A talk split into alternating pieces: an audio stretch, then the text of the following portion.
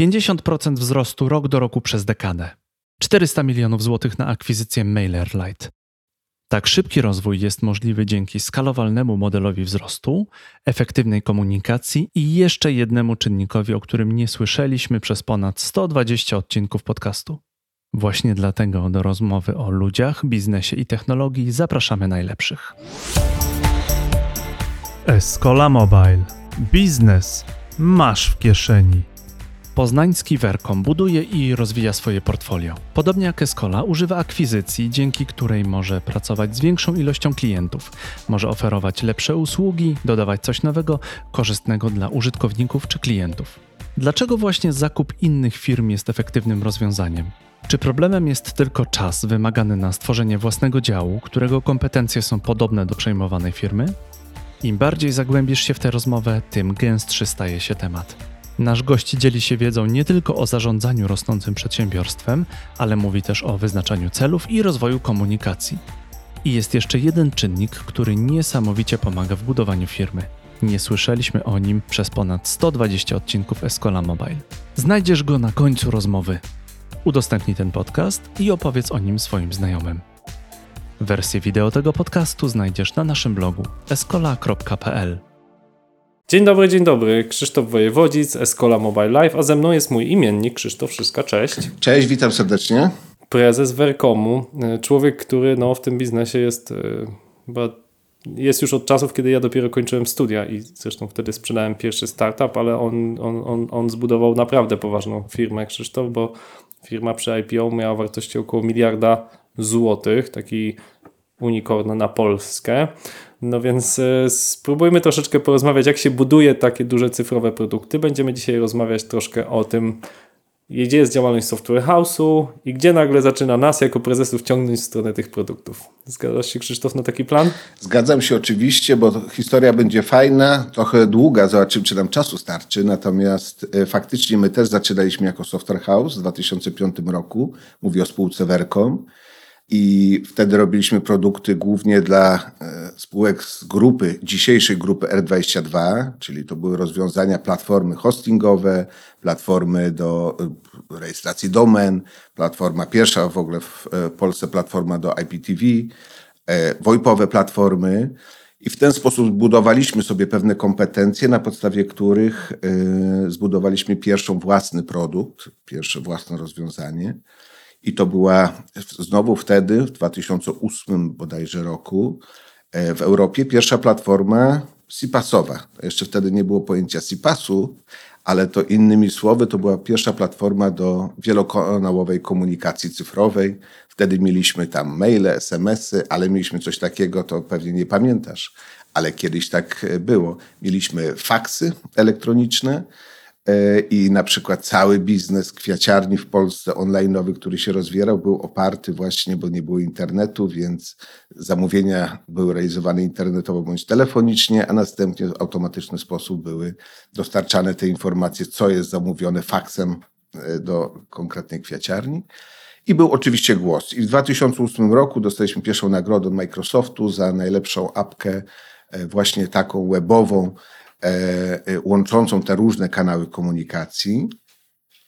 I tak się zaczęła nasza przygoda już jako dostawcy usług CPaaS-owych, czyli Communication Platform as a Service, takich usług e, dotyczących dostawcy. No właśnie, Krzysztof, mhm. wy, wy, wytłumacz, bo dużo osób, które nas słucha, jest, wszyscy pewnie, którzy nas słuchają, są ekspertami w IT, ale tych pojęć jest dużo, pewnie wszyscy kojarzą, co to jest SaaS, co to jest Infrastructure as a Service, a to jest jednak pojęcie, jak ja się przygotowałem do rozmowy, mówię, co to jest Communication Platform as a Service? Co to właściwie jest? Jak zobaczyłem na obrazku, to było mi łatwiej zobaczyć, ale że jesteśmy w podcaście live, no to myślę, że musisz wytłumaczyć słownie. Dobra, e, więc tak najprościej można e, do tego podejść, że jest to forma SASa. To już SAS wszyscy chyba rozumieją. Natomiast dotyczy komunikacji. Czyli my, jako e, spółka usługowa, dostarczamy naszym klientom, firmom, organizacjom jedną platformę, za pomocą której te firmy są w stanie codziennie komunikować się z tysiącami czy milionami swoich klientów za pomocą właśnie różnych, zwykle komplementarnych w stosunku do siebie kanałów komunikacji, takich jak e-mail, SMS, push, czy komunikatory OTT typu WhatsApp, Viber i tak dalej. Ogólnie przewagą tego typu rozwiązania jest, że to jest, odbywa się w jednym miejscu, więc firma ma pełną kontrolę nad całym procesem komunikacyjnym. Jest to bezpieczne, jest to bardzo mocno skalowalne, co, co jest bardzo ważne. My obsługujemy dzisiaj około 60 tysięcy klientów biznesowych, w tym takie tuzy jak Allegro, InPost czy eObuwie z jednej strony, ale oczywiście te CPaaS-owe rozwiązania pasują do całego przekroju gospodarki, do mniejszych, średnich firm, bo komunikacja to podstawowy taki proces biznesowy, który musi być dobrze ogarnięty, jeżeli masz tysiące czy, czy miliony swoich klientów i chcesz im świadczyć swoje usługi e, długo i skutecznie. To Krzysztof, wyjaśnijmy to na bardzo prostych przykładach. Rozumiem, że firma ma tak, ma swojego Whatsappa, tak? Niech to będzie, nie wiem, duża salon, y, sieć salonów rowerowych, nie wiem, jakiś Grind Bike albo Sprint Rowery. No to wiadomo, że ludzie mają 100 pytań do, zaczyna się właśnie sezon rowerowy, czy jest w pełni, ludzie kupują rowery, czy ten rower ma fajny amortyzator, a czy do miasta się nadaje.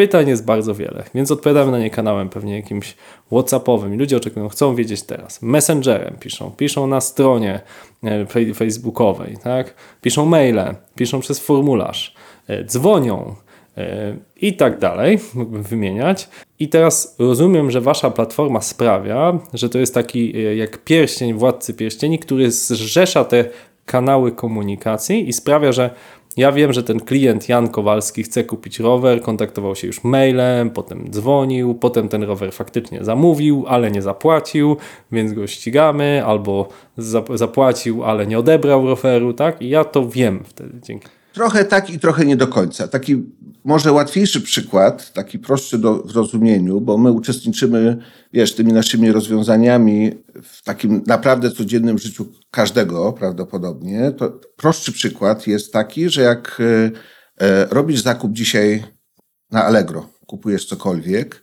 to razem z tym zakupem wykonuje się ileś tam operacji. Z jednej strony dostajesz powiadomienie mailem, że coś tam kupiłeś, albo że przerwałeś zakup i tak dalej, to wszystko idzie mailem. Z drugiej strony dochodzi element płatności, więc y, my uczestniczymy w tym jednym procesie e, transakcyjnym również po stronie e, e, na przykład banku, który za pomocą naszej platformy autoryzuje płatność, przesyła SMS-a z, wiesz, z możliwością zautoryzowanie tej płatności i wysyła dodatkowo maila o tym, że taka płatność y, nastąpiła, że y, te środki przeszły. Dalej znowu takie Allegro wysyła maila, że ok, wszystko poszło, płatność jest zrealizowana, będzie to dostarczone tam wtedy i wtedy.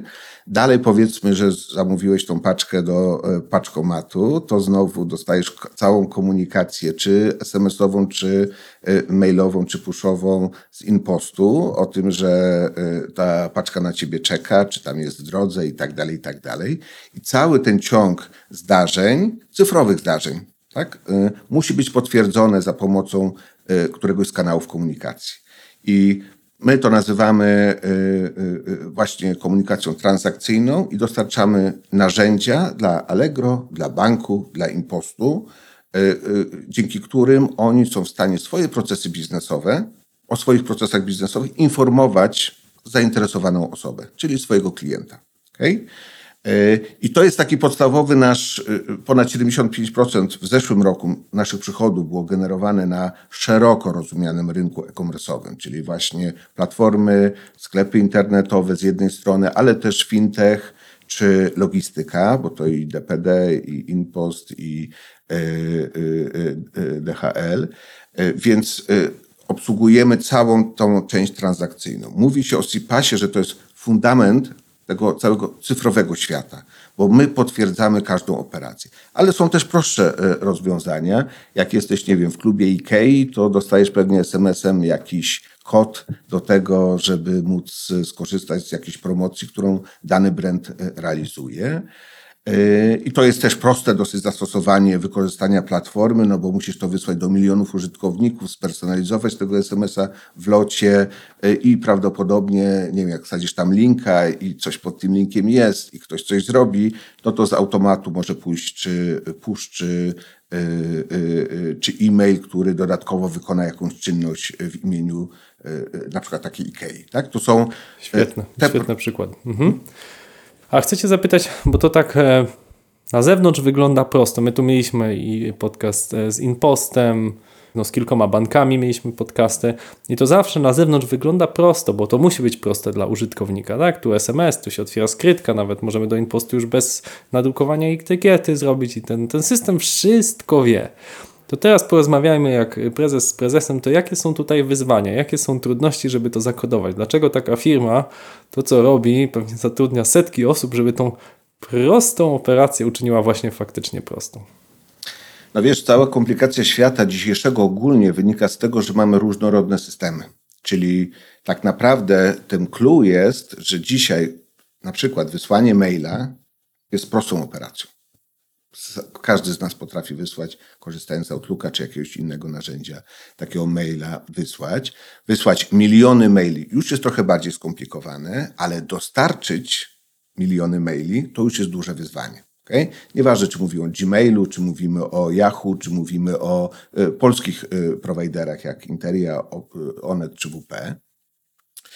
My tą technologię jakby cały czas budujemy, ten cały czas świat się jakby w tym obszarze zmienia.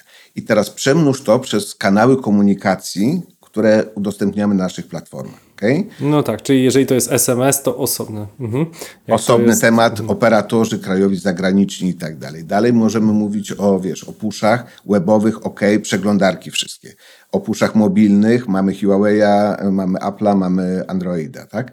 E, jeżeli mówimy o nowych kanałach, my to nazywamy OTT, typu Viber, WhatsApp i tak dalej, to znowu każdy z nich to jest inny system, inne e, mm, e, e, ciągle zmieniające się środowiska. I takie firmy jak my biorą te wszystkie kłopoty, rozkładają na czynniki pierwsze i dostarczają klientowi albo za pomocą prostego, wiesz, e, panelu webowego, gdzie on sobie tym zarządza, ale w większości dzisiaj to jest, dostarczamy proste API, za pomocą którego E, wiesz, wpina sobie ktoś naszą platformę do swojego systemu, czy CRM-owego, czy e-commerce'owego, czy płatnościowego, czy jakiegokolwiek innego i my już cały ten obszar e, e, problemów związanych z różnorodnymi kanałami komunikacji ogarniamy w jednym miejscu, dając odpowiednie gwarancje skalowalności, przepustowości, dostarczalności itd. Tak itd. Tak mhm. Okej, okay, to teraz chciałbym porozmawiać trochę o części biznesowej tego, bo żeby zintegrować tak wiele mm, narzędzi, no to wy jesteście taką firmą, też tutaj widzę podobieństwo do, do Escoli, że zrobiliście kilka udanych transakcji, żeby to faktycznie było możliwe, tak? Czyli nie wymienię wszystkich, ale na pewno kupiliście tak MailerLite, a to było chyba największa akwizycja, Fresh Maila, wspomniałeś jeszcze chyba poza anteną o dwóch, to, e, to wymień i i, i właściwie jak to. E, czy, czy, czy koniecznie trzeba posiadać te kanały? Jaka była korzyść tych transakcji, żeby, żeby je realizować? No bo WhatsAppa nie kupicie, Messengera nie kupicie. No aż tak, tak, tak to, to się może nie uda. Tak, bo tu nie chodzi. Jasne. Hmm? My w swojej strategii budowania biznesu zakładamy, że chcemy mieć trzy elementy. Z jednej strony szybko rosnąć. To jest jakby potwierdzenie, czy mamy zdrowy biznes, czy niezdrowy biznes. Okay? Czy trzeba go jakoś pompować sztucznie, czy on jest w stanie w naturalny sposób y, się rozwijać. I to umiemy robić, tworzymy własne platformy, potrafimy je sprzedawać, obsługiwać, mamy praktycznie zerowy czern na naszych platformach. Umiemy to robić, ale mamy skończony zasób czasu. I teraz część rzeczy, po to, żeby y, osiągnąć nasz cel biznesowy y, szybciej, realizujemy właśnie w drodze akwizycji. Zrobiliśmy ich kilka już dzisiaj. Pierwszą było w ogóle e, kilkanaście lat temu, może przesadzam, kilka lat temu, e, przejęcie serwer SMS, pierwszego dostawcy SMS-u w Polsce. E, później przejęliśmy spółkę w Czechach, też w środku pandemii. Wszystko było, wiesz, zlockdownowane, nawet nie mogliśmy polecieć do Rozmowy zdalne, tak? Rozmowy zdalne tak, negocjacje przyjęcia. Kupowaliśmy to od Bauera właśnie przez to pewnie, że była pandemia, to udało nam się to sprawnie i, i, i fajnie kupić. Faktycznie w zeszłym roku, w ciągu tych 12 miesięcy od debiutu giełdowego, e, przeprowadziliśmy cztery akwizycje i każda znowu do czego innego służyła. Push Push Go, które przejęliśmy, to jest spółka, która wyspecjalizowana jest w komunikacji pushowej w tej części Europy. Spółka z Polski, ale sprzedająca głównie w e, e, Europie Środkowo-Wschodniej, w Ameryce Południowej. To oni dokładali do nas komunikację pushową, web pushową, której my nie mieliśmy. Wcześniej mieliśmy tylko komunikację mobile pushową, którą wytworzyliśmy sami, a to znowu taki element, żeby przyspieszyć z rozwojem produktowym. Freshman, no to chyba wszyscy znamy spółkę, tak? To, to znowu lider, ojciec, matka e-mail marketingu w tej firma. części Europy. Polska firma z super zespołem, z Pawłem Salą, z naprawdę ekipą w Krakowie bardzo fajną, z tysiącami klientów. I to znowu był taki ruch, który nam umożliwił jeszcze zwiększenie dywersyfikacji naszych klientów właśnie na tych mniejszych i średnich w obszarze e-mail marketingu. Przejęliśmy Oxyliona, który dołożył jakby do naszych platform produkt głosowy, który w Polsce i w tej części Europy nam się przez regulacje prawne nie opłacało rozwijać, ale nasi główni konkurenci w Stanach, Cinch czy Twilio mają i mocno eksplorują ten kanał, więc dokupiliśmy go, żeby nie odstawać od tej globalnej naszej konkurencji i żeby go rozwijać już na naszych platformach. No i na końcu MailerLite, który nam się tak dopina cały ten zestaw akwizycyjny, który wprowadza nas do innej ligi. Tak? Czyli my znowu założyliśmy sobie, że w przeciągu kilku następnych lat jesteśmy w stanie zbudować spółkę, która będzie globalnie sprzedawała usługi. No ale to jest kilka lat i zawsze jest tak zapytania, czy to ci się uda tak zrobić, jak chcesz to zrobić. Okay? Mając tyle biznesów, mając jakby różnie rozłożone akcenty, więc my y, poszukiwaliśmy spółki, która dałaby nam tą globalną obecność tu i teraz, a nie y, za kilka lat. Stąd też te jedna z największego, największe przejęcie w ogóle w tym roku w technologicznych spółkach, tak, to 400 milionów złotych przeznaczyliśmy właśnie na e, e, przejęcie prawie 400 tysięcy klientów w 180 krajach jednym ruchem. E, tam mamy ponad 130 pracowników w 30 lokalizacjach w każdej strefie czasowej. Mamy bardzo dobrze postrzegany produkt, to dla nas było kluczowe, super robiony content marketing i E, e, i fajny model i know-how, jak sprzedawać usługi globalnie, właśnie poprzez marketplace, integrację i tak dalej. Super sprawa dla nas. E, I razem z nimi teraz chcemy tworzyć i przeskalowywać nasze aktualne technologie, które z natury są cyfrowe, komunikacyjne, właśnie na tę globalną skalę. Wydaje mi się, że każda z tych transakcji mocno uzupełniała nasze kompetencje a dzisiaj możemy powiedzieć, że jesteśmy gotowi, żeby na tym globalnym rynku po prostu odgrywać istotną rolę. W strategii mamy zapisane, że e, chcemy być graczem w top 5 rozwiązań CPaaS-owych na świecie i dajemy sobie na to 2-3 lata. Wspaniała historia. A jeszcze powiedz o MailerLite, gdzie, gdzie ta spółka się narodziła, gdzie ma swoje korzenie.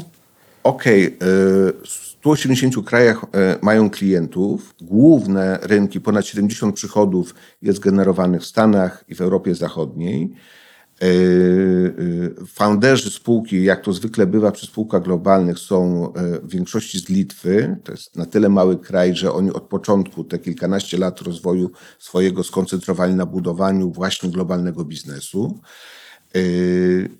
jakby od tej strony, e, od tej strony patrzą, idealnie uzupełniają to, co my mamy już dzisiaj na e, naszych e, platformach. Dla nich super sekcji było to, że jesteśmy jednak giełdowym podmiotem, że jesteśmy publiczną spółką, że jesteśmy wiarygodni. Zresztą ta giełda nam naprawdę bardzo dużo dała. Że jesteśmy wiarygodnym partnerem. To również, że zrobiliśmy wcześniej kilka akwizycji co potwierdzało naszą umiejętność przeprowadzenia tego procesu, zebrania środków, wiesz, przeprowadzenia później tych wszystkich rzeczy postintegracyjnych. Więc to było takie mm, fajne uzupełnienie się dwóch organizacji. Aha, spółka jest 100% remote. Czyli mhm. wiesz, to są ludzie w 30 130 krajach. i żadnego biura i żadnego biura, tak? Mhm. To, to, to wiesz, to dla mnie to też było zupełnie inne podejście. My strasznie się lubimy cały czas uczyć i przesuwać w tym naszym myśleniu, bo my mamy biura, teraz jesteśmy tu w Bałtyku, w Poznaniu, ale mamy w Krakowie, w Warszawie, w Rybniku, w Pradze, w y, Berlinie. No, nauczeni jesteśmy jakby tej pracy takiej, wiesz, bardziej tradycyjnej, I oczywiście COVID nam to trochę rozszerzył nasze horyzonty, jeżeli chodzi o myślenie o pracy i o miejscu tej pracy. No ale taki koncept, żeby 100% zrobić remote company, no to nie wiem, czy bym miał na tyle jaja, żeby to tak ustawić od początku. Więc staramy się połączyć to, co jest dobre w takiej stabilnej, fajnie działającej, nastawionej na zarabianie pieniędzy, takie mądre, długofalowe zarabianie pieniędzy organizacji, właśnie z tą lekkością, fajnym podejściem do skalowania globalnego e, e, MailerLite'a. E, spółka główna jest w Stanach, rozliczeniowa spółka jest w Irlandii, więc jakby mamy od razu też strukturę do skalowania naszych usług, wiesz, taką operacyjną. Mhm. No ciekawe. I jak, jak opowiedz dwa słowa na temat integracji przy tak gęstych akwizycjach. To jest, to jest wyzwanie, które jest też dla mnie, chyba w ciągu ostatnich dwóch lat zrobiliśmy też cztery akwizycje. No i to zawsze jest tak e, specyfika jakiegoś, jakiejś firmy, specyfika biura. Dla przykładu u nas w Warszawie praktycznie nikt nie przychodzi do biura, w Krakowie przychodzą wszyscy. I to jest po prostu tak było, tak jest. Nie wiem, w Katowicach przychodzą, przychodzi się jeden dzień w tygodniu i każde biuro ma jakąś swoją specyfikę. Jak wy sobie z tym poradziliście, bo jednak skala jest e, znacznie większa? No tak, dzisiaj mamy 350 osób, wiesz, w 30 kilku lokalizacjach na świecie, więc to, to narzuca oczywiście e, zupełnie inny model pracy. My ten biznes budowaliśmy, tak jak wspomniałem, i organicznie. To jest fajny rozwój organiczny, no bo masz wtedy wszystko poukładane tak, jak chcesz i, i jesteś w stanie to sobie, wiesz, skalować takim tempem, który y, organizacja rozumie. Ale jak dokładasz do tego akwizycję, no to zaczyna się taki skokowy przyrost i on nie jest już taki prosty, oczywisty. I tak jak wspomniałeś, to są różne organizacje, różne kultury w poszczególnych rzeczach. Dlatego my kładziemy kluczowy nacisk, nawet nie tylko i wyłącznie na te parametry biznesowe, produktowe, które są, ale my inwestujemy tymi akwizycjami w ludzi. Jestem bezpośrednio po spotkaniu właśnie z naszymi menadżerami i my z nimi jakby dzisiaj mocno pracujemy, bo to oni są tym takim elementem, który powoduje, że coś ci wychodzi bądź nie.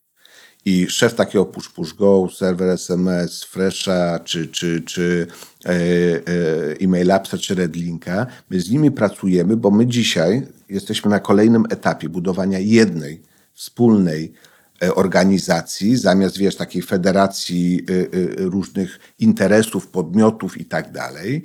Więc mamy ogromne zadanie przed sobą, polegające na tym, żeby złożyć to wszystko do kupy, ale mamy jasną wizję, że tylko wtedy My mamy szansę konkurować z globalnymi graczami. Te nasze akwizycje nie były po to, żeby wiesz, żeby tylko kupić klientów, albo tylko kupić ludzi, albo tylko kupić wynik jakiś finansowy, który za tym szedł, ale my składaliśmy bardzo precyzyjnie y, zespół, aktywa, które mamy wewnątrz organizacji, właśnie po to, żeby tak jak sobie kilka lat temu postawiliśmy za cel konkurować z globalnymi graczami, ale tak naprawdę konkurować, E, to dzisiaj możemy powiedzieć, że mamy kompletny zespół i teraz musimy dobrze ułożyć całą organizację, żeby to była jedna skutecznie działająca firma, pewnie pod jednym silnym, mocnym, e, globalnym brandem.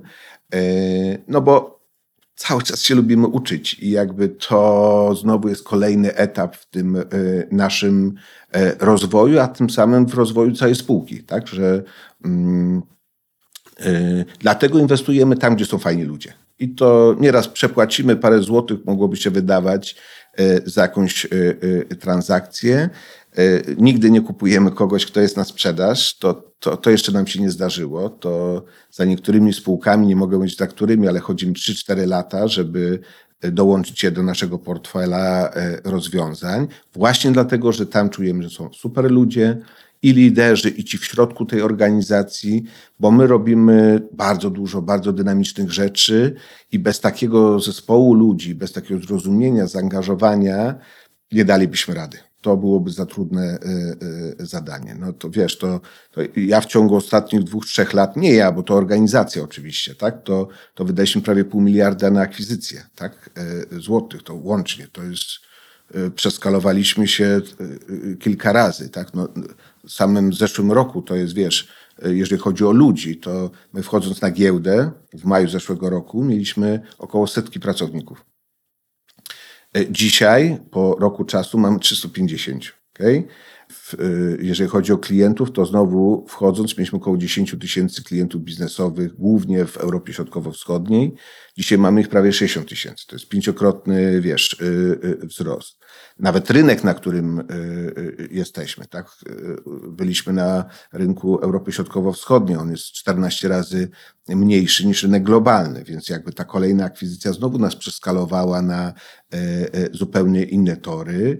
E, więc to wszystko się odbywa w bardzo dużym tempie i to wszystko jest zasługa już naprawdę fajnego zespołu ludzi, których przez te ostatnie kilkanaście lat zbieraliśmy bardzo precyzyjnie. I oni dzisiaj współtworzą e, i są głównym autorem jakby tego sukcesu, który e, za spółką stoi. Mhm.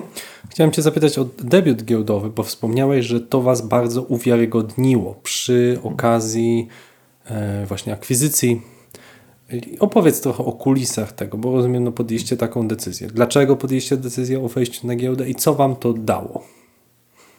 To wiesz, to dla mnie to był drugi już debiut, bo ja uczestniczyłem też w debiucie spółki R22, która jest naszym większościowym udziałowcem. To było kilka lat wcześniej, więc y, jakieś doświadczenie y, już mieliśmy. Wiedzieliśmy, że musimy się bardzo dobrze przygotować do tego procesu. No i poświęciliśmy prawie rok na e, takie mocne przygotowanie do e, samego momentu wejścia na giełdę. E, wejście mieliśmy w okresie pandemii, więc też specyficznym okresie wszystkie spotkania, cały roadshow mieliśmy online'owy.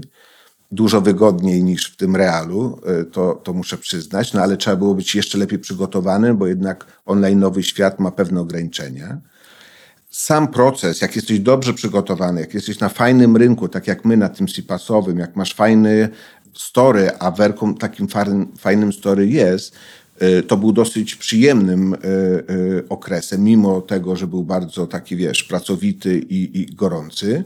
Natomiast myślę, że kluczem tam było to przygotowanie, tak? Wzięliśmy fajnych doradców, y, mieliśmy ten, y, te doświadczenia z y, IPO R22, więc, więc połączenie tego ze zdrowym, fajnie rosnącym biznesem, tak, no trzeba pamiętać, że my rośniemy w tempie 50% rok do roku w, w ciągu ostatniej dekady, tak, to, to nie jest, wiesz, jednorazowy skok, tylko tylko to jest tak, taki tryb pracy, więc inwestorom bardzo ta historia nasza się spodobała. Zresztą był też dobry moment, tak? To też nie, nie, nie ukrywamy tego, że ten timing też jest bardzo ważny. No dzisiaj pewnie nawet najlepszy biznes, co widać po naszych akcjach, jest wyceniany co najmniej średnio. Tak, to, mhm. to... No tak, no rynek jest teraz w takim okresie trochę ten, ale to jakby ja pytam o sam, sam debiut, czyli rozumiem, że podyktowane to było tak, no rozumiem, pozyskaliście kapitał, tak, to po pierwsze, po drugie uzyskaliście wiarygodność. Rozumiem, że kosztowało to sporo, tak? Jakieś kwestii formalnych. Co było najtrudniejsze? Co było największym wyzwaniem e, dla Ciebie jako prezesa tego debiutu? Wiesz co, to znaczy my wiedzieliśmy, że chcemy przeskalować tę naszą działalność. Wiedzieliśmy, że tu rynek polski, czy ten nawet rynek Europy Środkowo-Wschodniej, on ma e, dużo ograniczeń. Ryzyk, które wyszły nam dzisiaj, tak, czy tam chwilę temu.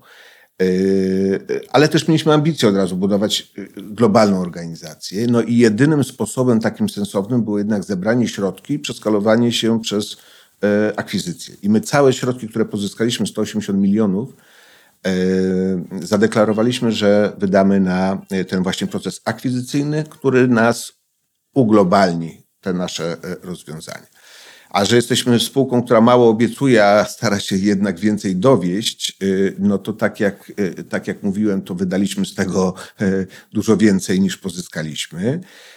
Co było najtrudniejsze? Najtrudniejsze chyba w tym całym procesie było dobre wytłumaczenie naszego biznesu inwestorom, bo trzeba pamiętać o jednej rzeczy, że y, wiesz, ja w Polsce nie mam konkurentów takich y, zero-jedynkowych. Tak? Nie jestem w stanie wskazać podmiot, który realizowałby CIPAS-ową e, e, e, strategię rozwoju. Najbliżej mam w Skandynawii, we Francji czy w Stanach Zjednoczonych, więc my musieliśmy dobrze narysować, żeby inwestorzy, którzy z natury rzeczy y, y, inwestują w różne biznesy, a wkładają pieniądze tam, gdzie rozumieją, na czym taki biznes polega i jak on może urosnąć, jak się zeskalować w przyszłości, y, to chyba to wymagało najwięcej pracy. Dla nas to było super zadanie, bo myśmy przy okazji sobie uporządkowali mnóstwo rzeczy i takiego myślenia, w którą stronę, dlaczego i tak dalej. I wydaje mi się, że zrobiliśmy dobrą pracę. Ja to widziałem w trakcie roadshowu, że nawet jak ktoś mówił z inwestorów, bo nieraz są takie sytuacje, że on ma tylko 45 minut i bardzo przeprasza, ale on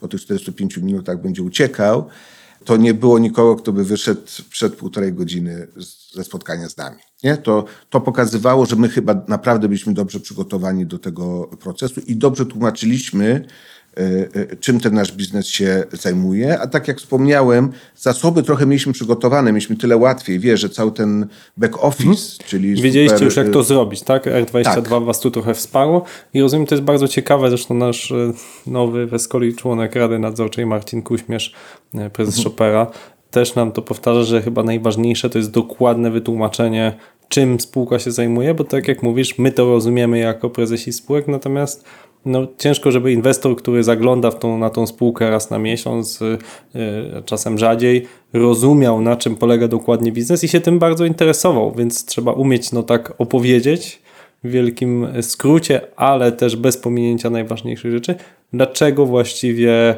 mm, nie wiem, spółka nie mając na przykład zysków, dalej ma ogromny potencjał i to uwiarygadnia naszą wycenę, szczególnie w, jak w Twoim wypadku przy jakimś modelu wariancji SaaS-u, tak, czyli tego CPaaS-u, tak?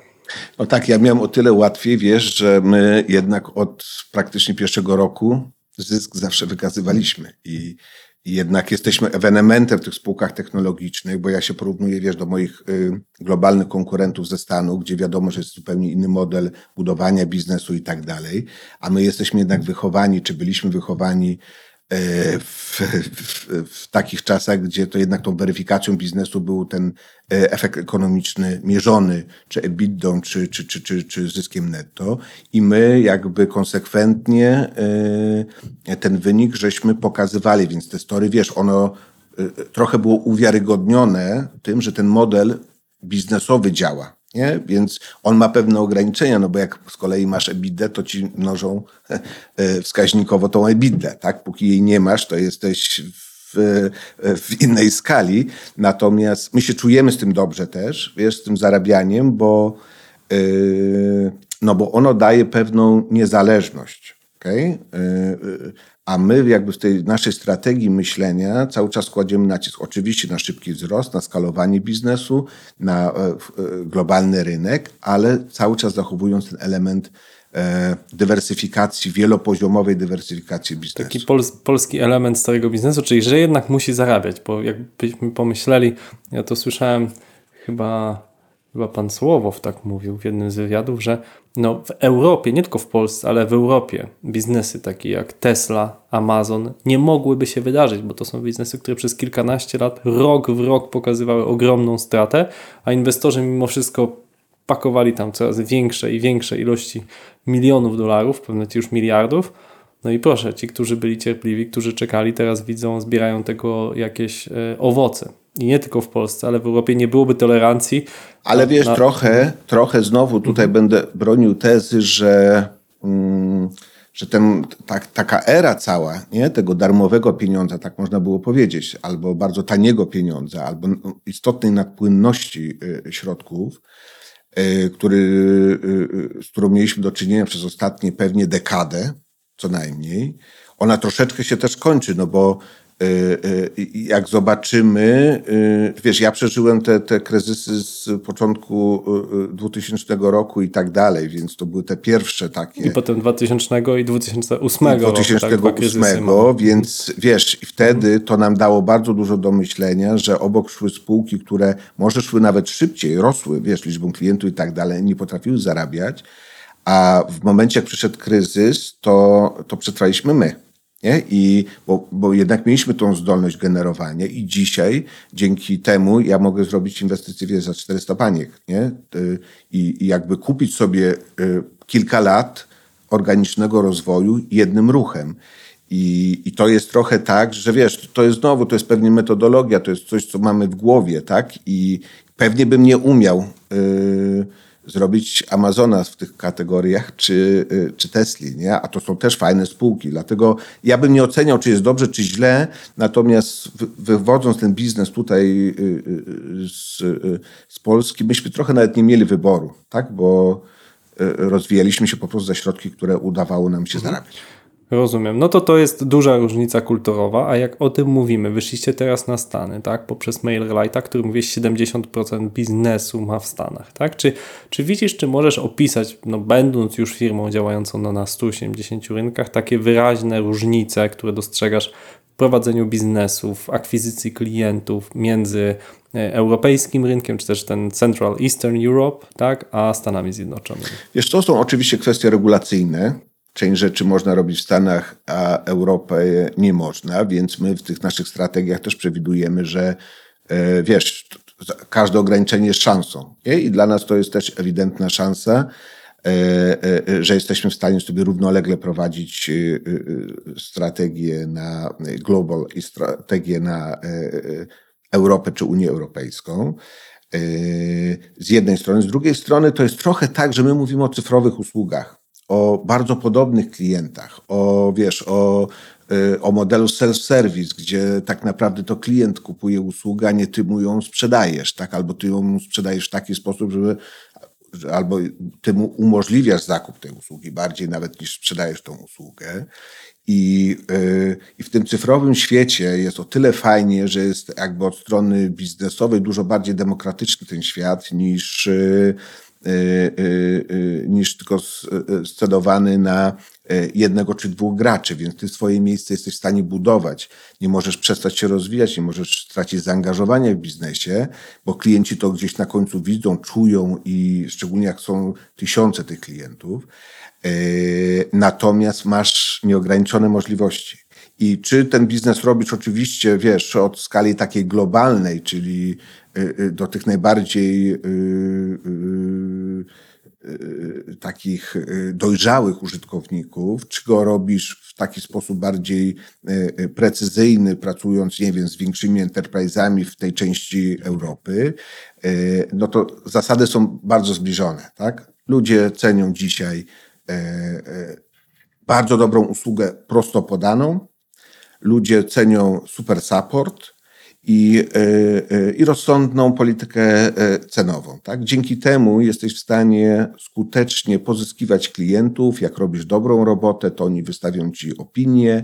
Jak oni ci wystawią dobrą opinię, to masz kolejnych klientów i ten, i wiesz, i to jest taki samonapędzający się mechanizm. Dla nas na rynku SIPAS-owym, który rośnie, wiesz, globalnie 30% rocznie, to, to jak dobrze wykonujesz swoją robotę, to rośniesz tak jak my, czy jak Mailer Light do tej pory, około 50% rok do roku. Jak gorzej wykonasz robotę i mamy takich konkurentów, no to oni rosną 15%. To i tak jest nieźle, nie? Natomiast y, y, y tu wynika jakby ta różnica. I nie ukrywamy, że lubimy swój rynek, bo on faktycznie ma swoją dynamikę i wiesz, ta cały czas cyfryzacja wszystkiego powoduje, że my mamy coraz więcej pracy. A z drugiej strony to jest tak, że wiesz, że ten świat na tym poziomie e, e, tych kanałów cyfrowej komunikacji, czy potrzeb, czy firm w zakresie komunikacji, on jest bardzo podobny. Czy mówimy o Stanach, czy mówimy o Europie Zachodniej, czy nawet mówimy o Polsce, tak? Bo ten gap oczywiście jakiś jest, ale, ale to nie mhm. już jest to nie jest dekada, tak? To są raczej miesiące bądź y, y, jeden, dwa e, lata e, e, takiego, takiej różnicy świadomościowej w zakresie nowych mhm. To jeszcze chciałem Cię zapytać, takich dwa personalne trochę do Ciebie zadać pytania na temat, jak radzisz sobie mm, z taką presją, którą jednak stawia giełda, tak, wzrost, mówisz, pięciokrotny wzrost w tej chwili, jeżeli chodzi o liczbę klientów, tak, trzykrotny wzrost, tak, jeżeli dobrze rozumiem o revenue, tak, o ilość ludzi, trzy i półkrotny. Jak można mm, wycyrklować, tak, to, to jednak organiczny wzrost, do którego byłeś przyzwyczajony, no 50%, a 300% to jest duża różnica, tak? I giełda trochę by chciała, żebyś właśnie nagle włączył te turbo doładowanie, te turbo wrotki i poleciał po prostu na, wiesz, pod niebiosa. I, i, i jak, jak ty sobie z, z tym radzisz, żeby też nie przesadzić, tak? Nie nagle nie stracić płynności, wiesz, tutaj 400 milionów mówisz akwizycja, no to wiesz, gotówka na pewno się ogromnie kurczy w firmie. Jak, jak, jak, jak to dobrze wycyrklować? Znaczy ja myślę, że tak, zawsze kluczem powinien być biznes. On musi być zdrowy, no bo giełda e, ze swojej strony daje ci możliwość, dużo możliwości. Możesz pozyskać kapitał, możesz stać się bardziej wiarygodny dla twoich partnerów biznesowych czy pracowników możesz, y, wiesz, y, łatwiej przeprowadzić akwizycję, no bo nie wiem, możesz zrobić takiego słapa, wiesz, y, fajniejszego i, i dać jakieś akcje, które nie są publiczne, znaczy wymienić się akcjami, które nie są publiczne na akcje, które są publiczne, może z większą płynnością i tak dalej. Dużo jest tych zalet. Ale oczywiście to super zauważyłeś, że jest też dużo ograniczeń, czy jakby restrykcji, czy z drugiej strony oczekiwań ze strony rynku. I wiesz, trochę krótko, bo jesteśmy rok, więc yy, yy, przeżyliśmy malutką hossę i, i to, co jest teraz, tak? To przeżywamy, bym powiedział bardziej.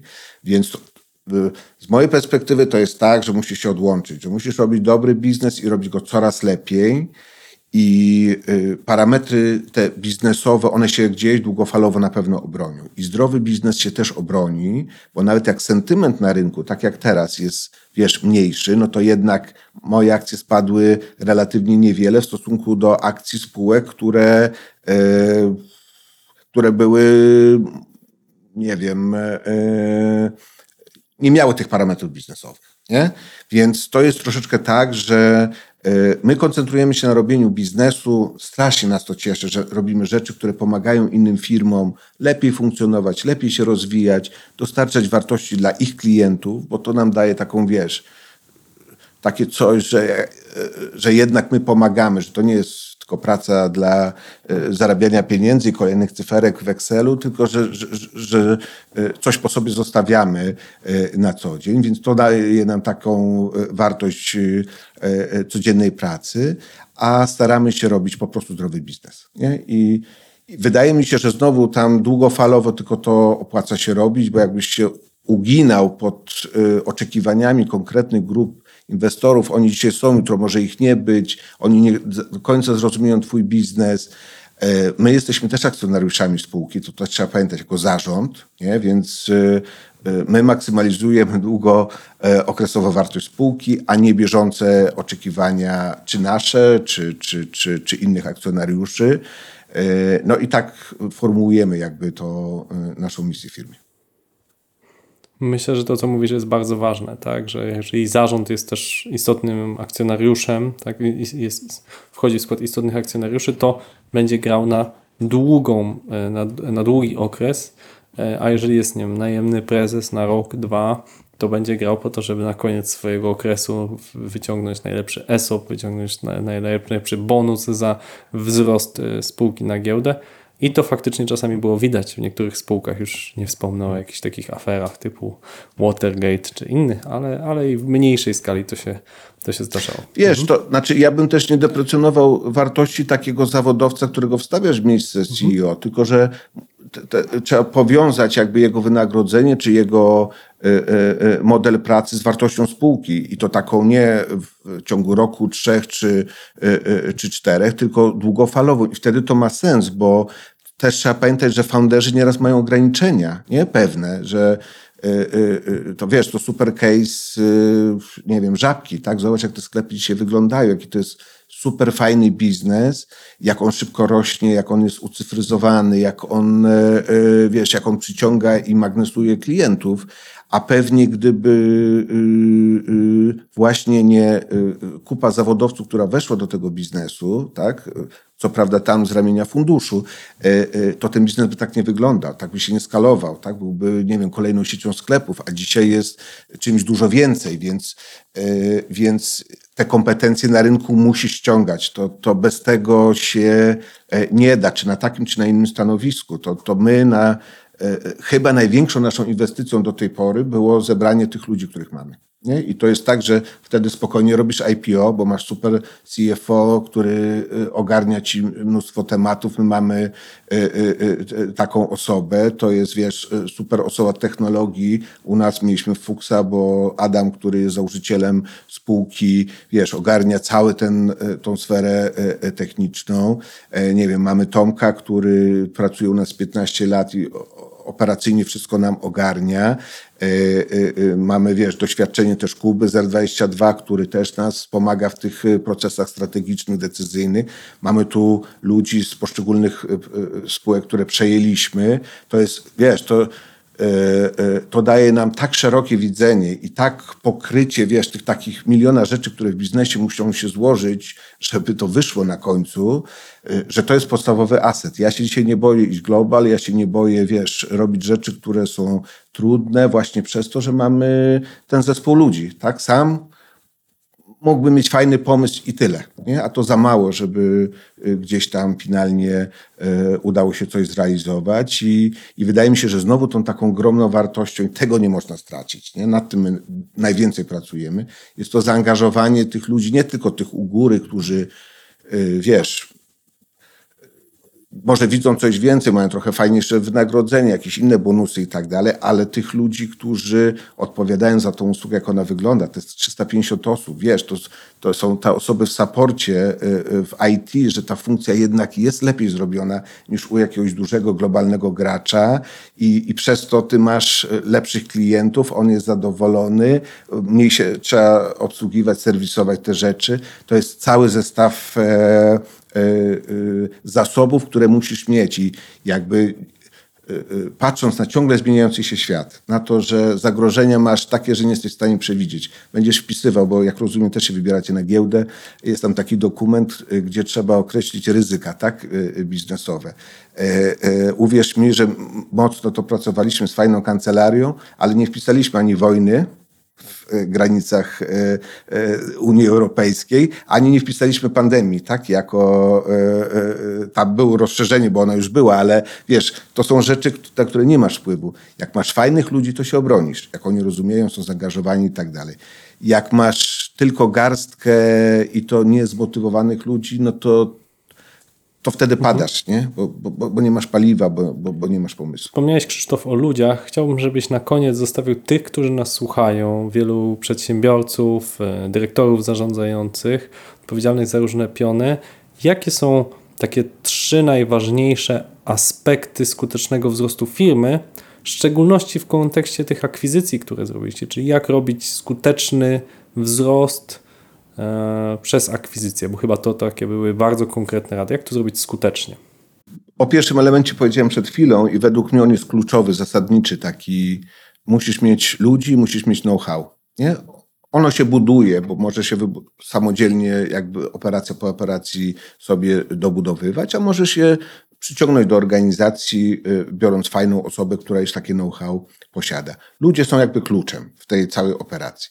Z drugiej strony jest oczywiście coś, co znowu jest mało biznesowe, ale jak tak się zastanowić, to jest chyba znowu bardzo ważne, że to jest taka jakaś odwaga, albo ja to nazywam nawet taką trochę bezczelnością biznesową, że, yy, że potrafisz w, yy, dzień przed zamknięciem jakiegoś dealu powiedzieć, że jednego nie robisz i równolegle dopiąć inny deal, który jest dużo trudniejszy, wiesz, że się namęczysz przy inwestorach, żeby go wytłumaczyć i tak dalej, i tak dalej, ale ty wiesz, że on zmieni rzeczywistość, jakby, którą, którą robisz. Więc ta odwaga jest niezbędnym elementem i wzięcie na siebie tej takiej ekstra odpowiedzialności, że oczywiście coś może nie wyjść, e, to jest coś, co, co, co trzeba mieć, żeby skutecznie mógł w ogóle skalować biznes. Nie? To, to, to myślę, że te elementy. No i trzy to jest y, y, znowu bardzo selektywne dobieranie tych celów. To y, oczywiście można się skalować kupując takie same spółki, wiesz, i tylko dokładać i wiadomo, że obcinać tam te nawisy i, i, i tylko dokładać klientów, czy tam przychody i tak dalej. To jest łatwe. Natomiast to zawsze ma jakiś sufit. My podchodziliśmy do tego właśnie bardzo selektywnie brakowało nam jakiegoś elementu, szukaliśmy na rynku, kto coś takiego ma. czy ma tam, czy tam są fajni ludzie, czy jesteśmy w stanie to sfinansować, czy to ma ręce i nogi, czy dobrze się nam gada i tak dalej. I jeżeli tak, to zrobiliśmy wszystko, żeby to dołączyć do naszej organizacji.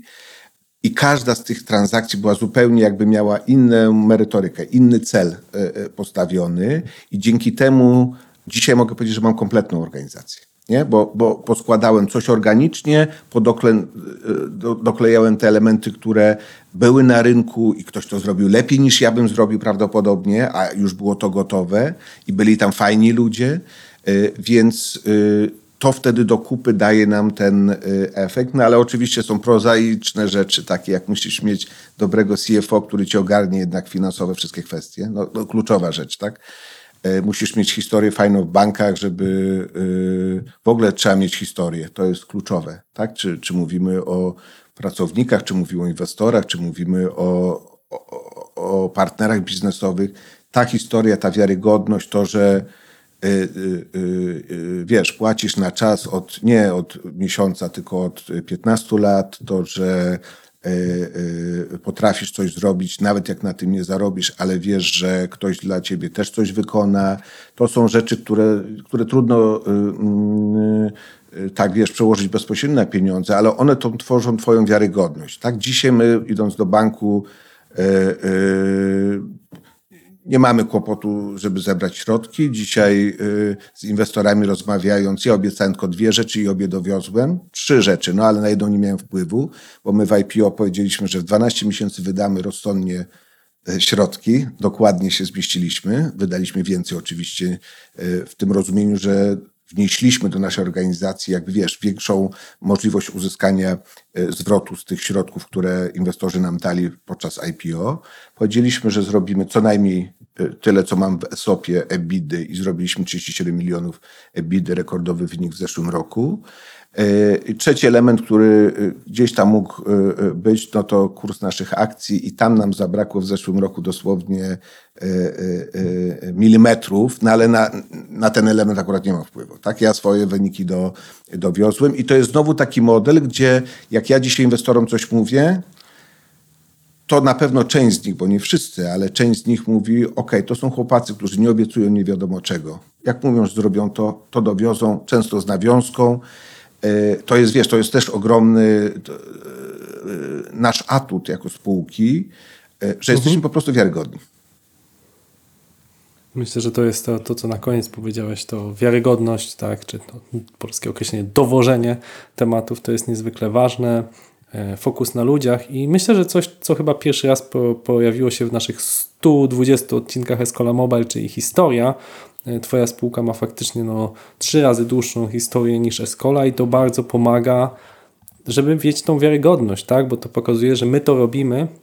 Niezwykle ważne, wydaje mi się, to w tej historii jest to, że bardzo często to są ci sami ludzie, tak? Ci sami founderzy od ponad 15 lat, którzy naprawdę wierzą w tą wizję długofalową i z tego co sugerujesz, jakby jeszcze y, mają ambitne plany, tak? Mimo, że nie oszukujmy się, no przy tej wycenie, jak sobie człowiek zrobi trochę matematyki w głowie, nie muszą tego robić ze względów finansowych, tylko naprawdę chcą zrobić coś fajnego. Wejdziesz sobie na, na przykład naszą stronę, albo ten taki główny przekaz nasz marketingowy Werkomu, to jest taka droga z Rumunii ściągnięta, e, e, która pokazuje właśnie jak biznes i obrazuje, w jaki sposób my postrzegamy budowanie biznesu. I my cały czas powtarzamy, że jesteśmy tam na tym wczesnym, wczesnym etapie, i że cały czas się uczymy i że wiesz, yy, to jest tak, że jak patrzysz w tył, to mówisz, o już daleko, te kilkanaście lat przeleciało, fajnie, żeśmy zbudowali, ale jak patrzysz do przodu i patrzysz na swoich takich globalnych konkurentów, to mówisz, to jeszcze super, kupę rzeczy można się nauczyć,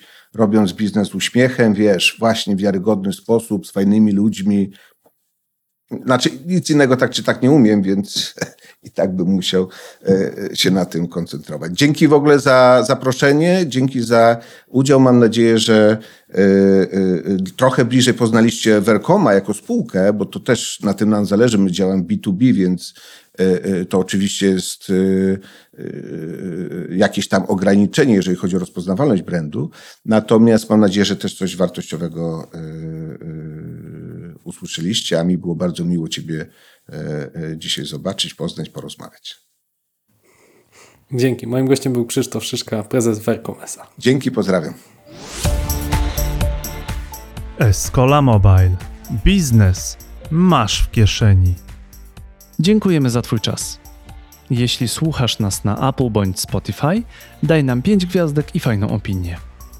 Każde kilka słów napisanych na profilu podcastu pokazuje algorytmowi, że dzielenie się wiedzą ma sens. Dzięki Twoim opiniom o podcaście czy o konkretnym odcinku, nasza audycja pnie się w górę, a algorytm chętniej proponuje słuchaczom nasze materiały. Misją Escola jest dzielenie się wiedzą, bo Escola to po portugalsku szkoła. Do podcastu zapraszamy najlepszych. Zbieramy od nich wiedzę, a rozmowy nagrywamy oraz wypuszczamy w formie podcastu, wideo na kanale na YouTube Escola Mobile oraz postów w social mediach. Dzięki temu pokazujemy, że dzielenie się wiedzą zwiększa jej ilość. Jeszcze raz, dziękujemy, że jesteś z nami. Oceń podcast na Apple i Spotify. To był 121 odcinek podcastu Escola Mobile. Naszym gościem był Krzysztof Szyszka, CEO Vercom. Rozmawialiśmy o akwizycji i wejściu na giełdę oraz o mindsetie CEO. Do usłyszenia.